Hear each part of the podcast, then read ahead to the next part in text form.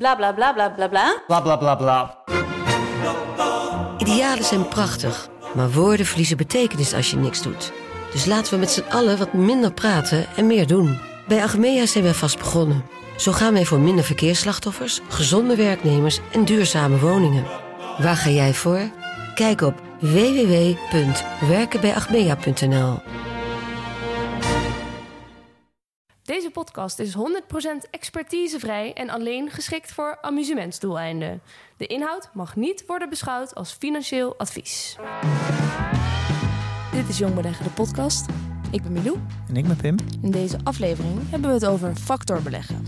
Ja, waarde, grootte, momentum, low risk, kwaliteit. Vijf factoren dus. Eh, daarnaast is Pim trouwens op zoek naar een nieuwe developer. Ja, we gaan ons team uitbreiden. En we gaan duiden wat er gaande is in de markt op dit moment. Ja, en we gaan ook eens nog diep in waarom waarderen nou zo belangrijk is. Ja, mocht dat nog niet duidelijk zijn. Laten we maar beginnen.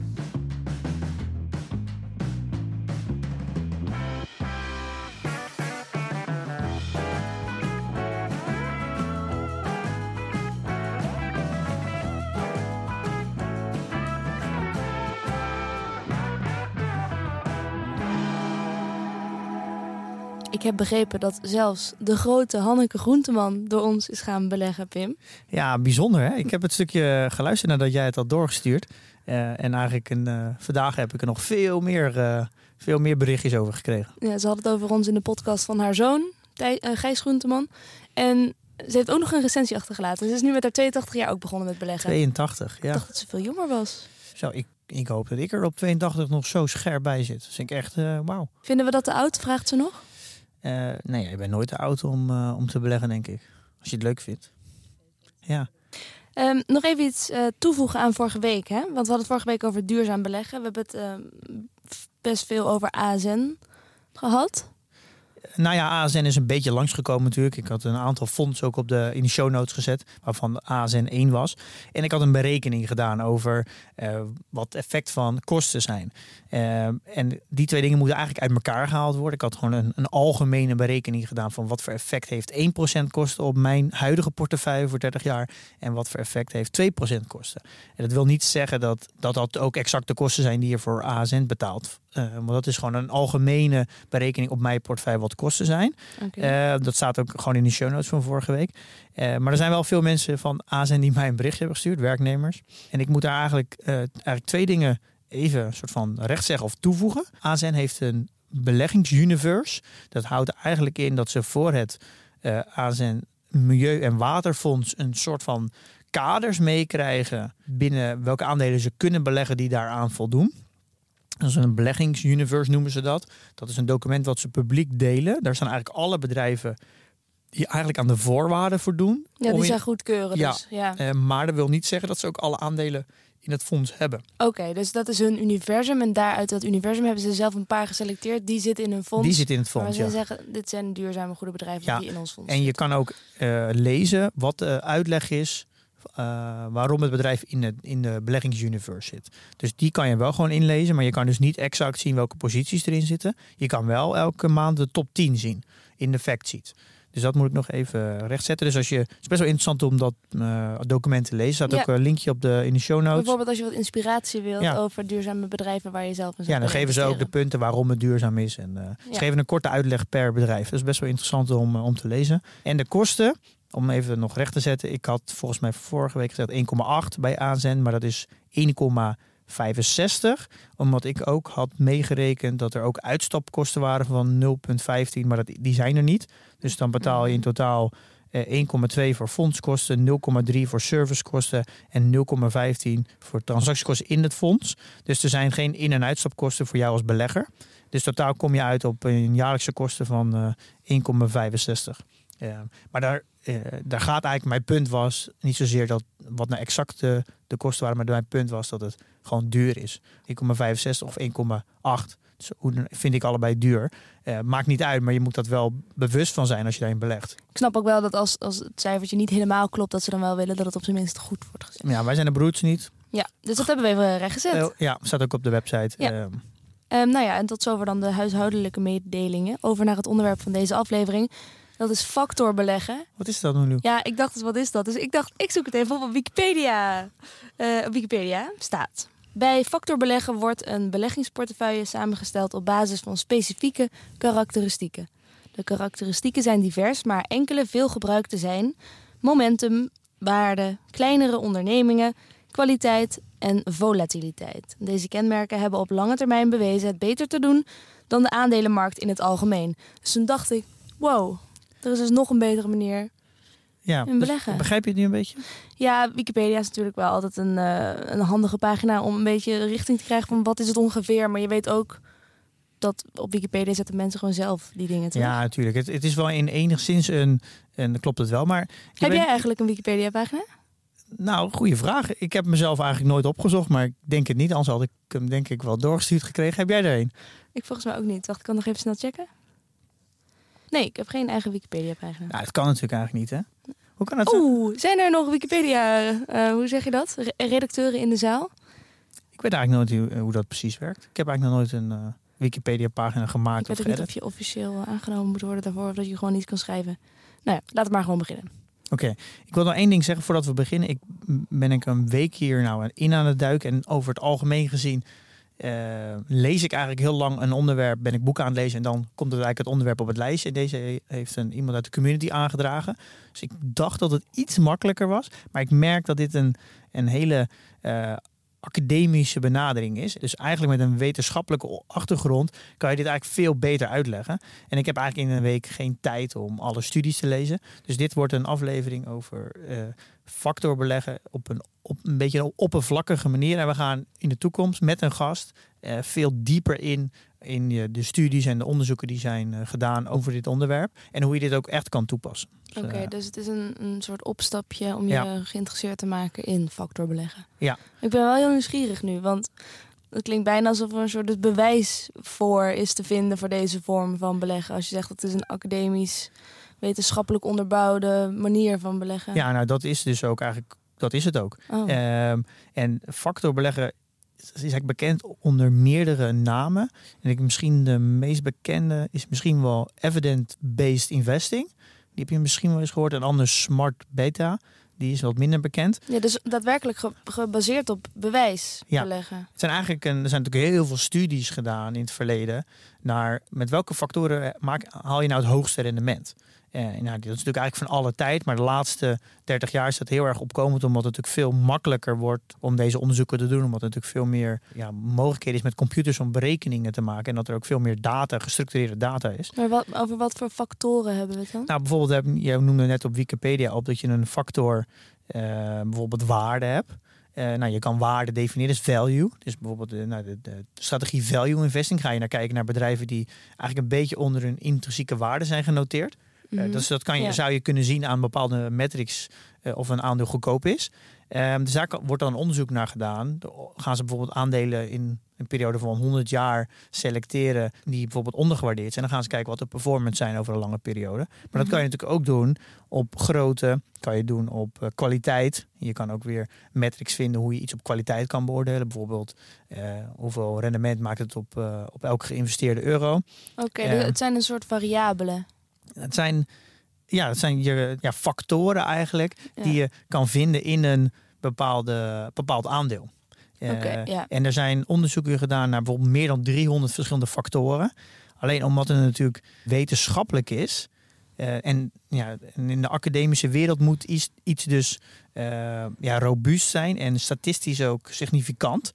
Anders kan je natuurlijk eigenlijk niet echt een onderzoek op baseren. Dus er zijn eigenlijk vijf grote factoren uitgekomen die bewezen zijn, academisch bewezen, wetenschappelijk bewezen zijn met, met heel veel studies en peer reviews. Die daadwerkelijk een effect hebben. Ja, die, die een, op je waar je een alfa kan maken, oh, de. Ja. een alfa kan maken zonder een hoger rendement. Oké, wat, heel veel recapitulerend. Wat is de alfa ook weer? De alfa is eigenlijk dat je meer rendement maakt dan de eh, algemene brede beurs gecorrigeerd voor risico. Ja. Dus het idee is dat je eigenlijk met, dus dus ook bewezen, met deze vijf factoren kan je dus eh, een outperformance halen op de markt zonder meer risico. En dan spreek je over een alfa. En daar moet ik bij zeggen dat er eigenlijk drie zijn waar iedereen het eigenlijk wel over eens is. En dat is value, dus waarde, Mhm. momentum Mhm. en de size. Dus, dus uh, marktkapitalisatie. Uh, die zijn eigenlijk het meest robuust en bewezen. En er zijn twee andere, en dat is quality, dus kwaliteit van het bedrijf, en low risk. Uh, dat zijn eigenlijk de twee die op zich ook wel bewijzen voor is, maar er wordt minder waarde aangehecht. Oké, dus die, die eerste drie die zijn veel opvallender. En ik neem aan dat we er wel even verder op ingaan. Ja, we gaan er straks nog even op in. En het idee is eigenlijk, dit zijn dan factoren. En je hebt dan single factor en multifactor. Dus je kan bijvoorbeeld ook factoren combineren. Uh, en uh, daar zijn natuurlijk ook heel veel verschillende studies naar gedaan. Hoe als je meerdere factoren met elkaar combineert. Dus dat je bijvoorbeeld doet, uh, we nemen, we combineren size en, en dividend bijvoorbeeld. Of we doen value en dividend. En dividend. maar die zet er toch niet tussen? Nee, maar je kan dus. Oh, dat is zo in zo'n kleinere factor. Ja, je hebt bijvoorbeeld. Zijn, is, je kan ook 300 factoren bedenken. Ja. Waarvan je ook factoren kan combineren. Maar de, deze drie, dus en, value, momentum en size, die zijn. Uh, komen uit bijna alle studies dat je daar een outperformance mee kan halen. En waar kun je die dan in combineren in je portefeuille? Ja, dus eigenlijk de manier hoe je je portefeuille samenstelt. Ja. En traditioneel gezien worden eigenlijk alle aandeelportefeuilles en vooral de ETF's altijd op marktkapitalisatie gedaan. Dat is ook bijvoorbeeld de S&P die jij bezit. Ja, dus dat is dus dat de, de bedrijven die het grootst zijn, het zwaarst wegen. Ja, dus bijvoorbeeld het grootste bedrijf in de Qua wereld. beurswaarde. Ja, het grootste bedrijf in de wereld is op dit moment Apple met bijna 3000 miljard. En Microsoft met volgens mij 2800 miljard. Uh, dat zijn natuurlijk de twee grootste. En die hebben ook automatisch de zwaarste weging. Ja. Um, dat is marktkapitalisatie. Ja. ja. En het, eigenlijk het, het idee van factor beleggen is dat je dus de samenstelling van een beleggingsportefeuille over een ETF dus niet doet op basis van marktkapitalisatie, wat eigenlijk traditioneel gezien hoe een ETF is op, opgebouwd, Mhm. maar doet vanuit een factor. Oké. Okay. Uh, dus je hebt bijvoorbeeld, uh, zeg even de, de MSCI World, dat is zeg even, even 3400 bedrijven. Mhm. En dan, als je dan een ETF hebt die daarop gebaseerd is met een factor value, dan gaan ze dus een sortering maken van die 3400 bedrijven op de factor value. En dan gaan ze de, bijvoorbeeld de onder of de bovenste, dus de goedkoopste dan in dit geval, of, of de onderliggende hoe je het bekijkt, de, de 500 van nemen. En dat is dan dus de MSCI Factor Value ETF. En, en daar is de weging, die is dus niet op marktkapitalisatie, maar bijvoorbeeld op uh, de factor value. En of het dan ondergewaardeerd is? Of... Ja. Okay. En ik heb ook een aantal Oeh. ETF's op de website gezet. Ja. En daar het interessante is om ook die eens door te lezen wat het idee achter zo'n ETF is en waar ze, waarop ze dan die filtering maken en die en weging. Ja. Um, en eigenlijk als je eenmaal dit begrijpt, dan zie je eigenlijk dat er extreem veel ETF's zijn die, die multifactor of single factor doen. Er zijn echt heel veel ETF's die dit doen. En ik Was het voor het eerst dat jij... eh, Hoe kwam ben jij hiermee in aanraking gekomen? Nou, ik ben dit, deze term eh, de afgelopen tijd, afgelopen jaar vaker tegengekomen. En ik krijg ook steeds meer uh, reacties van mensen. Kan je daar eens een keer over praten? Mhm. En het is eigenlijk al een beetje met puzzelstukjes bij elkaar gekomen. Want we hebben natuurlijk een aflevering gemaakt, aflevering 69, over de kracht van een goede weging. En daar hebben we het gehad over Joel Greenblatt. Mhm. We hebben het gehad over de Value Weighted Index. Ja. Ik weet niet of je nog kan herinneren, is dat je een index die is gewogen op, op value en veel beter presteert dan een index dat is gewogen op marktkapitalisatie. Ja. Uh, ik weet niet of je dat nog kan herinneren. Ja, ja, ja. Als je naar die, uh, die website gaat die we toen ook besproken hebben, liet hij ook dat zien dat hij in, uit dezelfde periode um, verschillende wegingen heeft toegepast aan de hand van meerdere factoren. En uh, Joel Greenblatt is eigenlijk de, ja, hoe zeg je dat, een beetje geestelijk vader van als het gaat om de factor value. Oké. En hij heeft ook een website, de Magic Formula Investing. Daar kan je ook naar kijken. Dat is ook, hij heeft daar ook een boek over geschreven. En hij heeft eigenlijk twee regels om te sorteren op value. En dat is uh, het rendement op kapitaal. En dat is eigenlijk dus eigenlijk de, de ROIC, dus de Return on Invested Capital. Dus hoeveel geld verdien je terug met de geïnvesteerde euro. Mm -hmm. en dan eigenlijk het, het winstrendement. Dus dat betekent eigenlijk hoe hard je kan groeien. En hoe goedkoop je kan groeien. En daar selecteert je eigenlijk alle bedrijven op. En dan koopt hij, uh, zegt de, de onderste 500 of de onderste 100.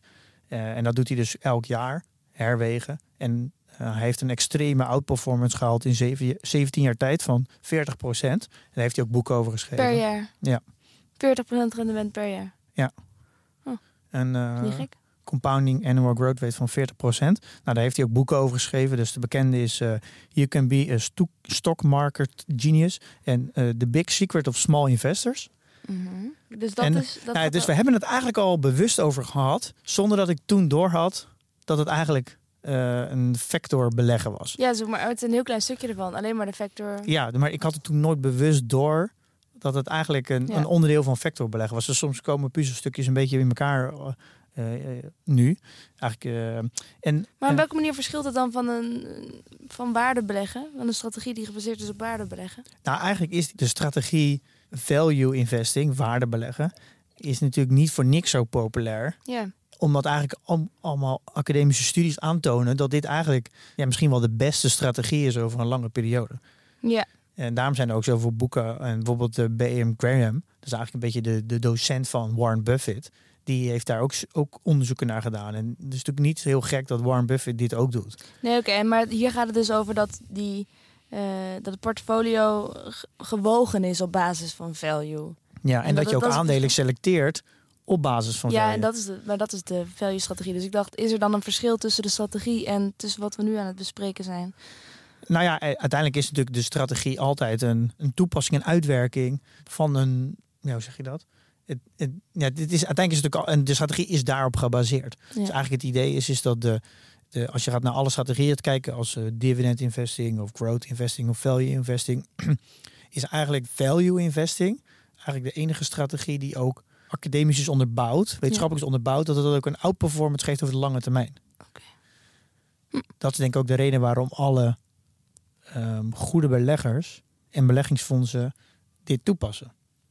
Dit waardebelegprincipe. Ja, omdat dit eh, ook eh, ja, een soort van evident-based is. Ja. Kijk, het gaat er eigenlijk om dat dit bewezen strategieën zijn hoe je over, de lange, over een langere periode een outperformance kan maken. Daar gaat het uiteindelijk om.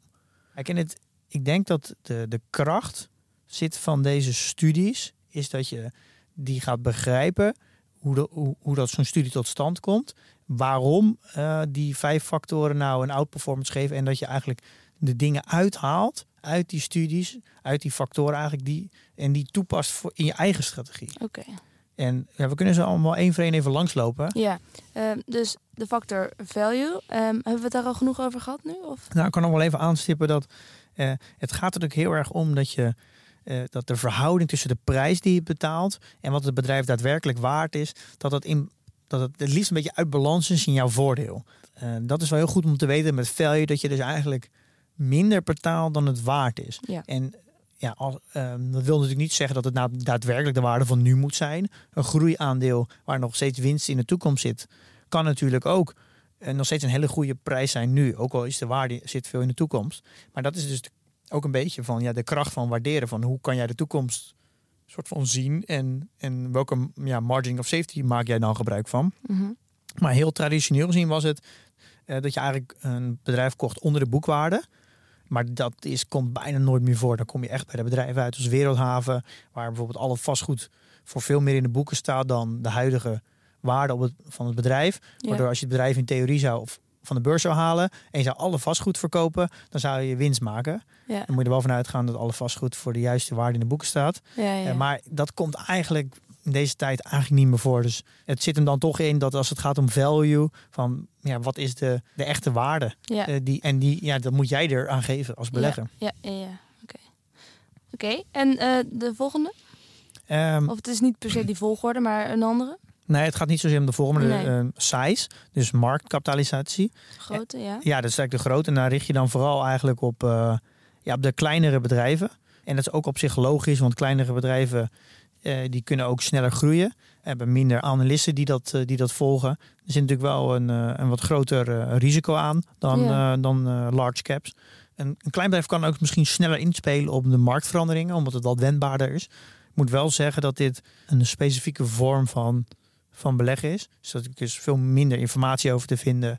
Maar je ziet bijvoorbeeld dat Alex Otto is te gast geweest, helemaal in het begin. Mr. 5%. En die belegde vooral in bedrijven waar die 5% kon krijgen. Dat Ja. waren over het algemeen kleine Nederlandse bedrijven, anders kon je natuurlijk geen 5% krijgen. Ja, en 5% ehm eigenaarschap. Ja, ei- eigenaarschap. Ja. Ehm, en die heeft een, een goede outperformance niet over een heel lange periode. En Ja. hij belegt eigenlijk in de factor eh, size. Dus Ja. het is ook een soort van evidence-based vorm van beleggen. Ja, dus dan, dan ga je je richten op eh, de grootte van een bedrijf. En op basis daarvan, dat, dat ga je gebruiken in het selecteren van Ja, je dat is een echt, een- ja, echt een specifieke strategie. Ja. Ja. En Ja. volgende week hebben we Willem Burgers te gast. Uh-huh. Dus, eh, heeft een, is eigenaar van de Ad Value Fund of oprichter. Hij gaat met e- 1 februari met pensioen, officieel met pensioen. En die beleggen alleen maar in Nederlandse mid- en small caps. Dus we gaan hem met hem een aflevering maken over beleggen in small caps. Dus dat is eigenlijk een van deze factoren gaan we dan met hem bespreken. Oké. De volgende is momentum.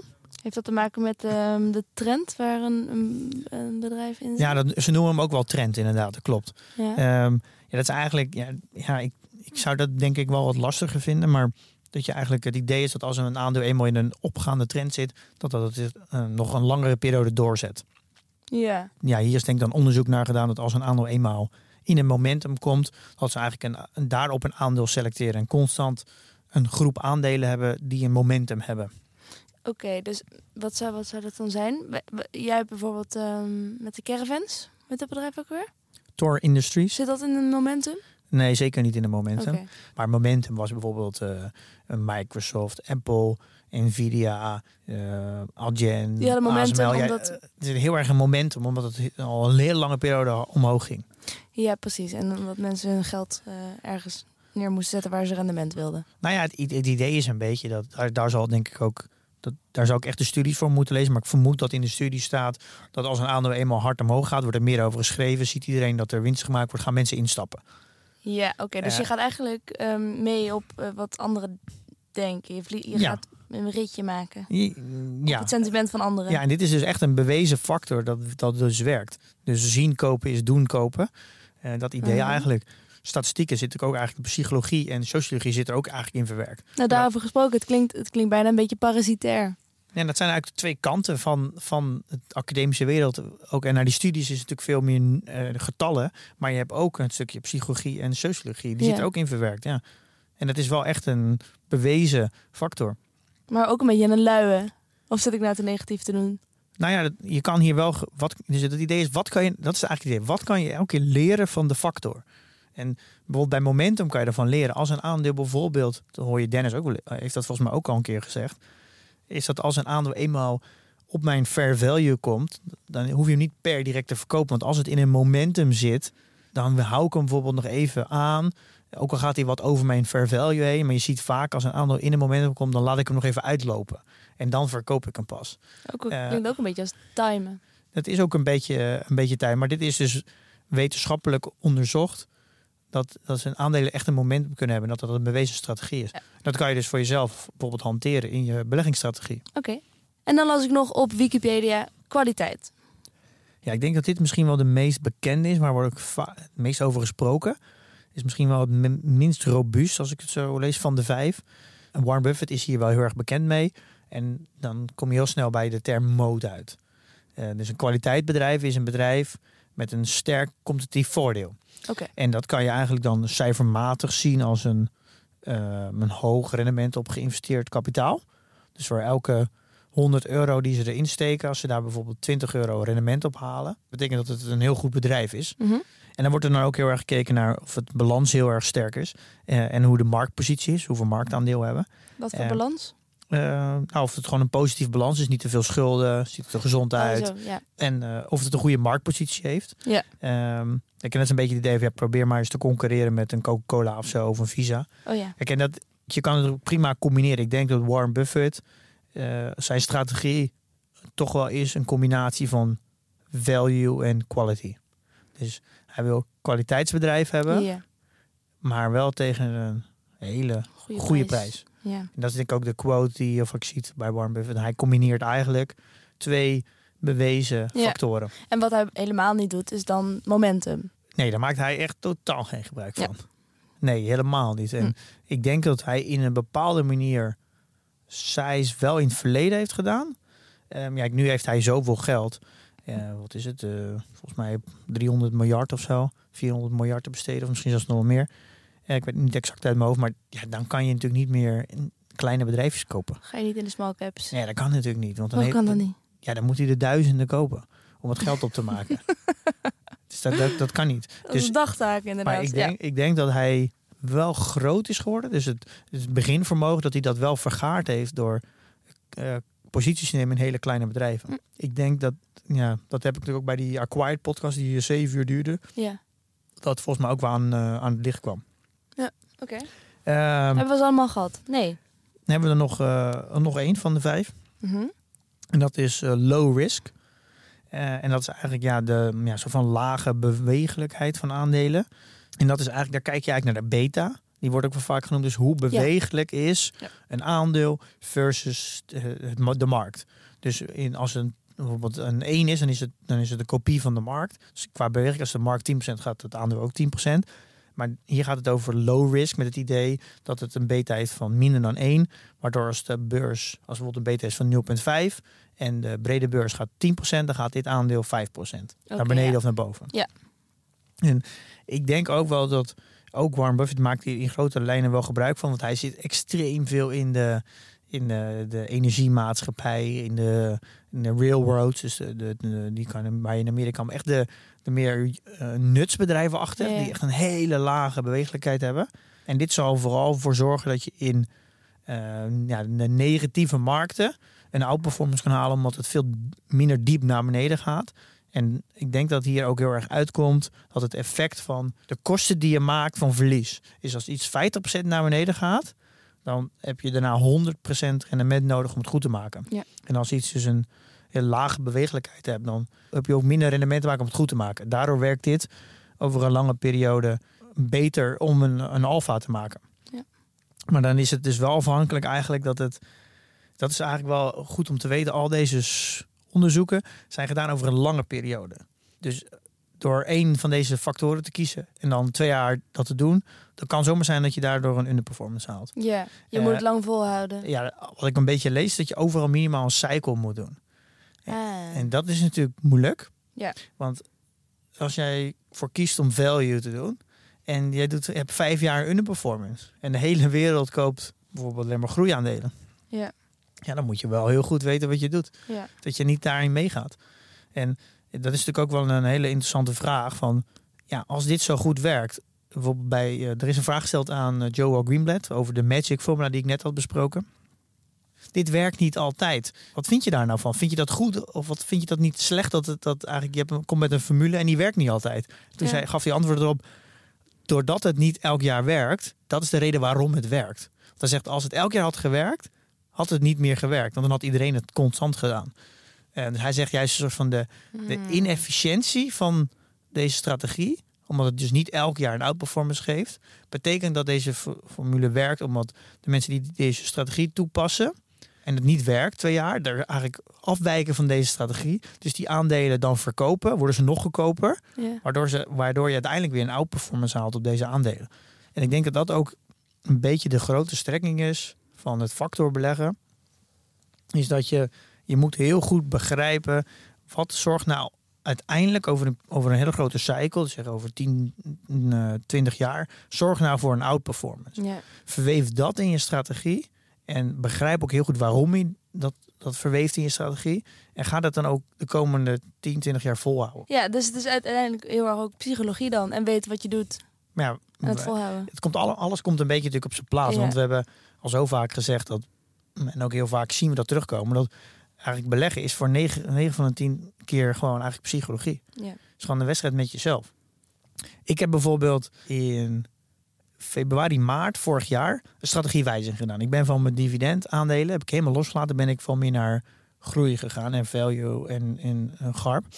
En dat was eigenlijk rond de periode dat, dat net de beurs aan het draaien was. Dus ik verkocht, verkocht eigenlijk relatief goedkoop mijn dividendaandelen, mijn stabiele dividendbedrijven. En ik ging toen relatief duur toen eh groeiaandelen kopen. En toen draaide het. Dus ik was eigenlijk veel te vroeg met die verkoop. Oké, dus En- nu, nu je zegt draaien, want dat, dat zeg je alsof het een soort van voldongen feit is. Maar dat, ik weet niet precies wat je daarmee bedoelt.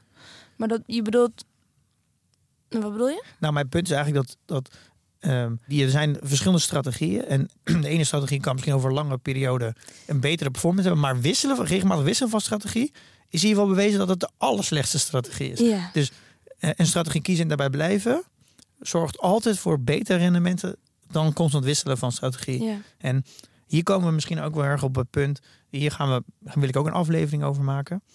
Waarom verliezen zoveel verschillende, nou zeg ik niet goed, waarom verslaan zoveel particuliere beleggers de markt niet?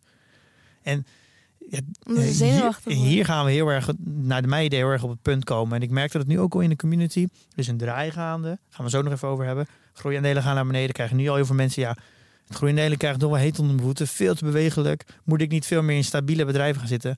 Gaan dus draaien op het moment dat de, de groeiaandelen al laag staan. En ondertussen zijn nu de meer waardeaandelen zijn alweer omhoog gegaan. Dus je wisselt precies op het verkeerde moment. Je gaat wisselen als je gaat verkopen als het laag staat. En je gaat weer kopen als het hoog staat. Ja. En gaat straks groei hard groeien. Ga je het weer omdraaien. Dit is volgens mij waar het constant fout En gaat. dit is zo'n menselijk mechanisme, want iedereen kent het ook wel van als je in een rij staat voor, eh, voor de kassa. Voor de kassa, welke gaat het snelst? Oh, die gaat veel sneller, ik ga daar wel heen. Of in de file staat. Ja, wissel je van baan. Ja. En een 9 van de 10 keer is veel beter om gewoon te blijven waar je zit. Ja. En ja, ik, ik snap ook wel dat, dat ik ben zelf ook, ook er schuldig aan. En ik merk ook, ik, er hebben mensen ook best wel gereageerd. Op het moment dat ik die switch maakte, dat mensen toen zeiden van, oh, oh wat doe je nu? ja, en wat dacht jij toen? En ik heb het toen zelf ook benoemd van, Ja. dit, ik, heb, ik ga nu tegen mijn eigen regel, of eigenlijk mijn eigen onderzoek in dat ik heb gelezen dat strategie wisselen niet goed is. En toen had ik als argument, ja, maar ik wil gewoon wisselen omdat ik niet op mijn ideale strategie zit. Hoe kijk je daarop terug nu dan? Ja, daar sta ik nog steeds achter. Ja. En dat, maar dat is ook constant waar ik zeg, is dat ik, ik ben aan het leren. Want ja, als ik eenmaal één strategie kies en ik mag nooit meer wijzigen, dan, dan kan ik ook niet meer leren. En daarom zeg ik ook dat ik de komende drie tot vijf jaar moet gaan leren. Eh, Omdat ik, ik ga gewoon fouten maken en ik ga nieuwe inzichten krijgen, waardoor ik dingen anders wil aanpakken. En ja, daar gaat gewoon sowieso voor zorgen dat ik een underperformance hou. Want als ik wissel in een jaar van strategie, en dat kan ik ook gunstig uitpakken, dat ik net op het juiste moment wissel. Maar als ik op het verkeerde moment wissel, ga ik sowieso al een underperformance halen. Dat heb ik dus vorig jaar ook zo ook gedaan. Eigenlijk grotendeels door die wissel. Ja. Eh, daar moet ik me dus ook niet mezelf gaan afrekenen omdat ik een underperformance haal. Want dan, dan geef ik mezelf eigenlijk nooit de ruimte om te leren. Ja. Ik snap het. Dus ja, dit is een. eh, ja, wat natuurlijk heel interessant is om veel meer te gaan leren over wat, hou, wat houdt die academische studies nou in? Wat, wat zijn nou de, de interessante dingen die je eruit kan halen uit al die factoren en die je zelf kan toepassen in je eigen strategie? Ja. Daar gaan we in de toekomst eh, meer afleveringen over maken. Over, om de bevindingen van deze vijf factoren te delen en ook te verwerken in mijn eigen strategie. Ja. En ik denk wel nog wel, wel één ding toevoegen dat de, uiteindelijk is iedereen, moet iedereen een value investor zijn. En dat wil niet zeggen dat je dus alleen maar aandelen koopt zoals een, eh een Tor Industries of een eh Ahold of een ASR. Maar je kan ook een value investor zijn als je in groeiaandelen belegt. Of, of in bijvoorbeeld eh, midden, middengroei zoals een eh, Google. Ja, omdat je gewoon een reasonable price wil. Ja, alleen dan moet je wel, eh, moet je wel waarderen. Ja. Dus een, iets wat hard groeit kan natuurlijk nu nog steeds goedkoop zijn. Als je Google vijf jaar geleden gekocht, was het, oh, ja, bleek het goedkoop te zijn. Ja. En, maar dan moet je het wel, je moet voor jezelf wel waarderen. Dus wat is, vind ik, een acceptabele prijs om te betalen? En daardoor kan je ook, ja, dat, is ook misschien een beetje van die quote van als het app wordt, dan zien we wie er naakt zwemt. En dat is een beetje wat er nu ontstaat.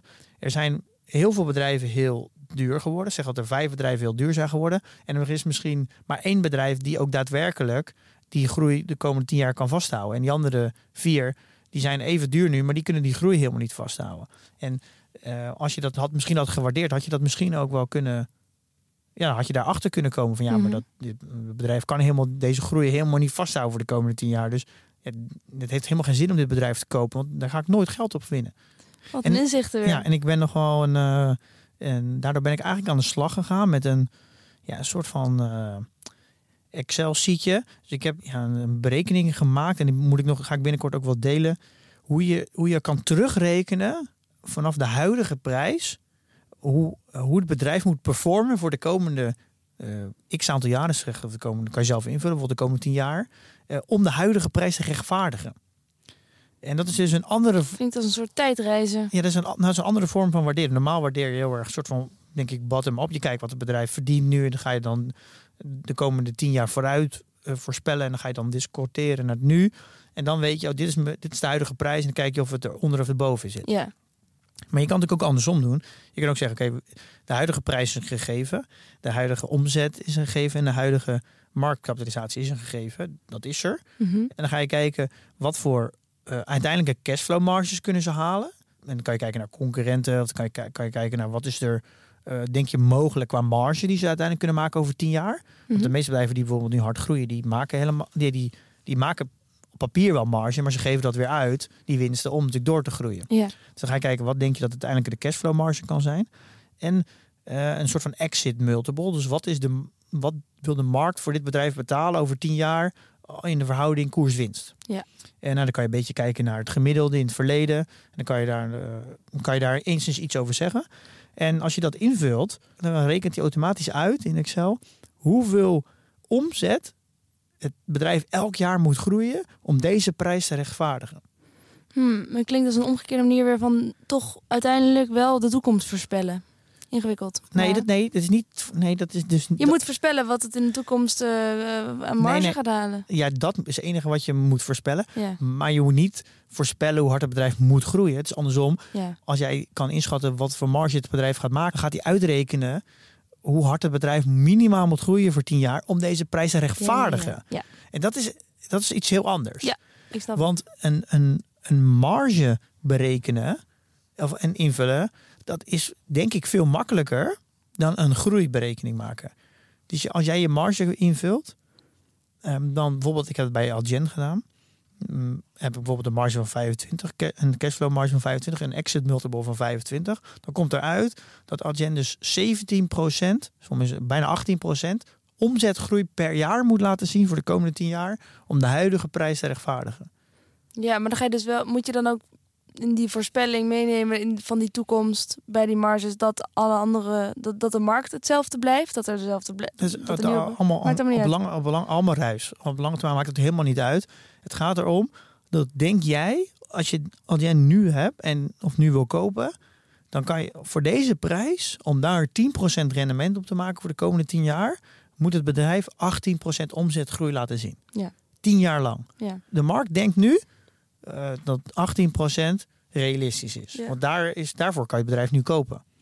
En dat is natuurlijk een, dat is een andere vorm van. Het is uiteindelijk een vorm van waarderen, maar ik zie het meer als wat prijst de huidige markt nu in, in het aandeel? Ja. Dus Wat, welke verwachting zit er in geprijsd? En Ja. Een dat soort is, reality check. ja, dus de- en eh, als je dat doet, dan dat is ja heel interessant. Ja. Want het, bijvoorbeeld, het, dat ver- verbaast me. Iedereen zegt bijvoorbeeld dat Algen duur is. En dan ga je kijken naar, nou, dan doe ik dit nu. En dan denk ik, nou, eh, dus het komt ook wel door de recente daling. 18% groei is ingeprijsd voor 10 jaar. En dan kijk ik naar de outlook van het management. En die zegt bijvoorbeeld, nou, wij verwachten ehm, hoog in de 20 en laag in de 30. In de midterm, dus dat is Ja. vijf jaar, omzetgroei. Ja. Nou, dan, dan, je weet natuurlijk niet wat het dan tussen jaar 6 en 10 gaat doen. Maar dat zit ook ruim boven de, wat de markt nu inprijst over een periode van 10 jaar.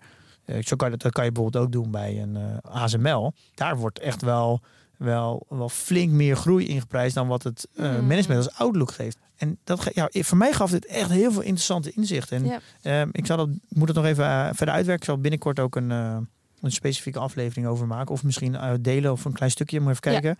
Maar dit is voor mij weer een stap verder naar... Als je vooral aan het gaat om groeiaandelen.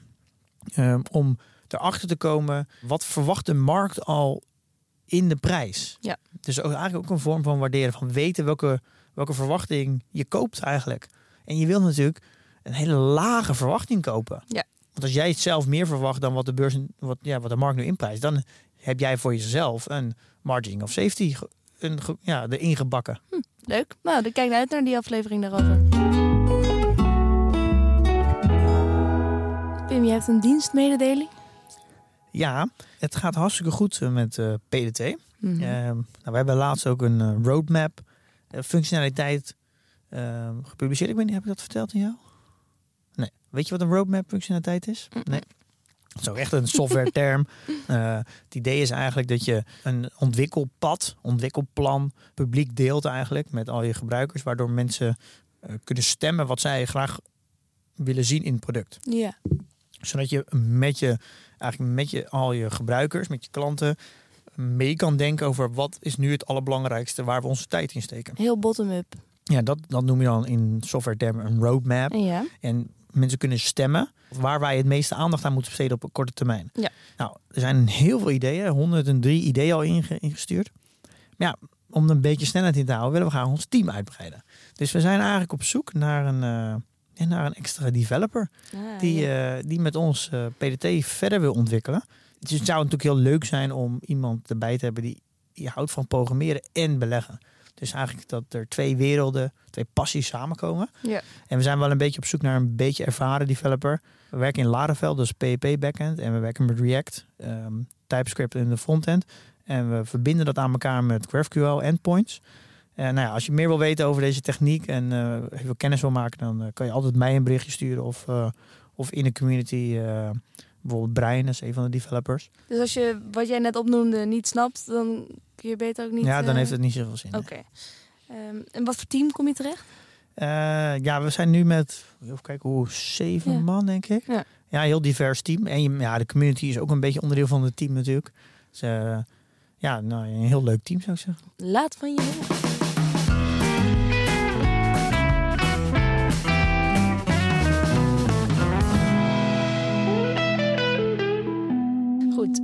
Portfolio.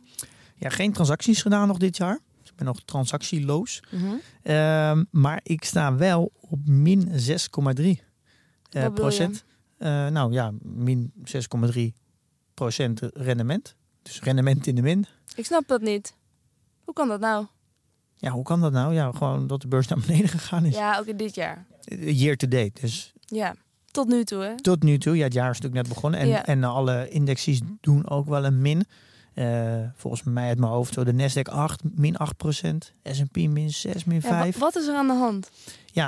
Er is momenteel een, een soort van draai gaande. Ja, dat is dan zo'n draai. zijn echt van die termen die je heel veel hoort. Ja, je hebt het al een paar keer gezegd. Ja, het, ik de markt beweegt natuurlijk altijd een beetje in een, in een beweging, in een cyclus. Een golfje. Een golfje. Dus het eh, groeiaandelen waren altijd heel erg waren lang in trek. Eh, en eigenlijk ook wel een beetje door, door denk de renteverhoging. Er wordt drie keer mm, eh, 25 basispunten. Wordt natuurlijk wordt, ja, wordt winsten die in de toekomst zijn gemaakt minder waard. En je ziet toch ook wel een verschuiving nu weer naar de meer traditionele aandelen. Nou, de factor value die we Ja. hebben besproken. Dat is ook een beetje waar dat in al die onderzoeken uitkomt. Dat eh, een markt kan best wel lang heel veel geld willen betalen voor aandelen. Maar uiteindelijk wordt de markt toch wel weer een soort van rationeel. En dan gaan ze toch uiteindelijk wel weer naar de veilige havens toe. Die zijn dan heel goedkoop. En als je dan net als je daarin zit, dan pak je daar je voordeel mee. Ehm, ja, dat merk ik natuurlijk ook wel. En ja, dat kan emotioneel best wel even pijn doen. Want ik heb eh, bijvoorbeeld Shopify gekocht. Nou, die heb ik natuurlijk helemaal op het verkeerde moment gekocht. Achteraf gezien. Die is ook 30% eraf gegaan. Nou ja, is natuurlijk ook 30% naar beneden gegaan. Alleen daar is de emotionele pijn wat minder. Omdat ik daar op 700 ben ingestapt. Oké. Dat slaat natuurlijk eigenlijk helemaal nergens op. Want in absolute euro's... Wat slaat nergens op? nou, dat je de, eigenlijk de, Dat je, ja, eentje wel erg vindt en de andere niet. nou, de emotionele pijn bij Shopify groter is dan bij Adyen. Omdat ik Adyen voor 700 heb gekocht. Nou, de koers is nu volgens mij 1800. Dus, maar het slaat natuurlijk nergens op. Want in absolute pijn, gewoon in pijn in euro's, is het allebei 3000 euro. Ja. Ehm, maar je, dan merk je toch weer dat je de pijn meer voelt vanaf een ander waar je dan nu in het verlies staat. Mhm. Omdat ik heb gekocht en vanaf het moment is die 30% naar beneden gaan. Ja. Dat je dan een eh, pijn voelt van een aandeel wat ook 30% naar beneden gaat, maar je, je twee jaar geleden hebt gekocht. Nou, dit is weer dat emotionele, dat je dus toch dat ankert aan je, aan je aankoopprijs. Ja. Wat je natuurlijk eigenlijk niet moet doen. Ja. Eh, maar ja, en dat is een heel ander verhaal. Maar ik kan wel heel goed begrijpen dat er heel veel mensen nu eh, ja, echt wel naar een portfolio kijken die echt diep rood is. En ik denk ook als je veel groeiaandelen in je portefeuille hebt en ook hoge allocatie daar naartoe, dan ga je echt wel, ik doe het nu met 6,3 min, dat doe ik nog vrij netjes. Ik zit een beetje tussen de S&P en de, en de Nasdaq in qua verlies. Eh, maar als je ja, echt flink in groeit met hoge allocaties, dan ga je echt wel min 15, min, pff, ja, min 20. Ja, dat is wel pijnlijk. Ja, ik zie opeens weer helemaal dat eh kassa-verhaal vormen. Waar iedereen in een rij staat en denkt van... hé, hey, daar gaat het snel. Oh, ik ga Ja. switchen. Ja, daar moet je wel mee uitkijken, denk ik. En dit is wel heel belangrijk waarom je een goede beleggingsstrategie moet hebben. Eentje die je begrijpt, eentje waar je achter staat.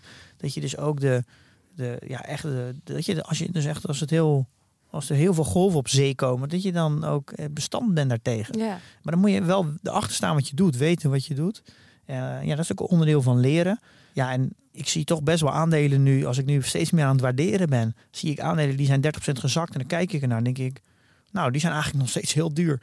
Dus dat wil niet zeggen dat 30% daling ook betekent dat het goedkoop is. Mm. Want het kan zomaar zijn dat een, pas een daling bij 50% het richting de fair value gaat. Dus laat je ook echt niet leiden door als een aandeel 30% naar beneden is, dat je dan denkt, hé, hey, dat is goedkoop nu. Eh, als iets heel duur was en het, het, is nu iets minder duur, kan het nog steeds duur zijn. En dat is wel goed om te realiseren, voordat je gelijk flink gaat bijkopen. Ik merk toch wel, we moeten echt gaan waarderen. En dat ga ik ook de komende jaar, gaan we, gaan we veel meer podcasts maken naar waarderen. Ik denk, ik denk als je niet gaat waarderen, niet weten wat je koopt, hoe het bedrijf moet gaan performen over een langere periode. Als je dat niet weet wat het bedrijf moet gaan doen en waar, voor welke prijs je dan betaalt, ga je op lange termijn ga je gewoon niet de beurs verslaan. Hm. Dat, gaat, dat gaat gewoon lukken. En dan ga je gewoon uh, veel te veel laten leiden door emoties. Dus, uh, we moeten denk ik ook als podcast zijnde uh, meer sturen naar leren waarderen. Ja, en zorgen dat mensen weten wat ze doen. Ja, dat is echt heel belangrijk. En daar zijn tools ook wel heel belangrijk voor. Want ik merk wel dat het, het heeft mij ook lang geduurd voordat ik echt, echt begreep wat waarderen precies was en hoe dat moest. Ja. En ja, je, kan bijna, je kan ook bijna geen tools vinden. Niemand helpt je er ook mee. Uh, dus ja, dan uh, moeten wij dat gewoon gaan oppakken. We maken nog wel een paar afleveringen. Zullen we dat gewoon doen? Ja, laten we dat gewoon doen. Wat gaan we volgende week eigenlijk doen? We hebben het al even over gehad. Ja, Willem. Willem Burgers Willem. komt langs. We gaan het hebben over uh, een van de factoren. Mm -hmm. de, de grote. We gaan het hebben beleggen in small caps met Willem Burgers. Wat is zijn achtergrond? Hij is founder van Ad Value Fund. Die bestaat sinds 2007. En die hebben vorig jaar een rendement gemaakt van 58 procent. Wat voor bedrijf? Dat is een, wat het is een fonds. Het is een fonds, een beleggingsfonds. Ja. Uh, en zij beleggen uh, hoofdzakelijk in small caps. Ja. En dan Nederlandse small caps. Dus dat is eigenlijk best bijzonder. Omdat namelijk, ja, hoeveel small caps zijn er in Nederland? Midcap telt ook nog mee. Uh, waar je uitkiezen 60, 70 bedrijven. Hm. En zij selecteren er dan denk ik, tussen de 10 en de 15 vermoed ik zo. Ze delen echt heel veel onderzoeken ook gewoon open op hun website. Uh, maar Willem gaat met pensioen.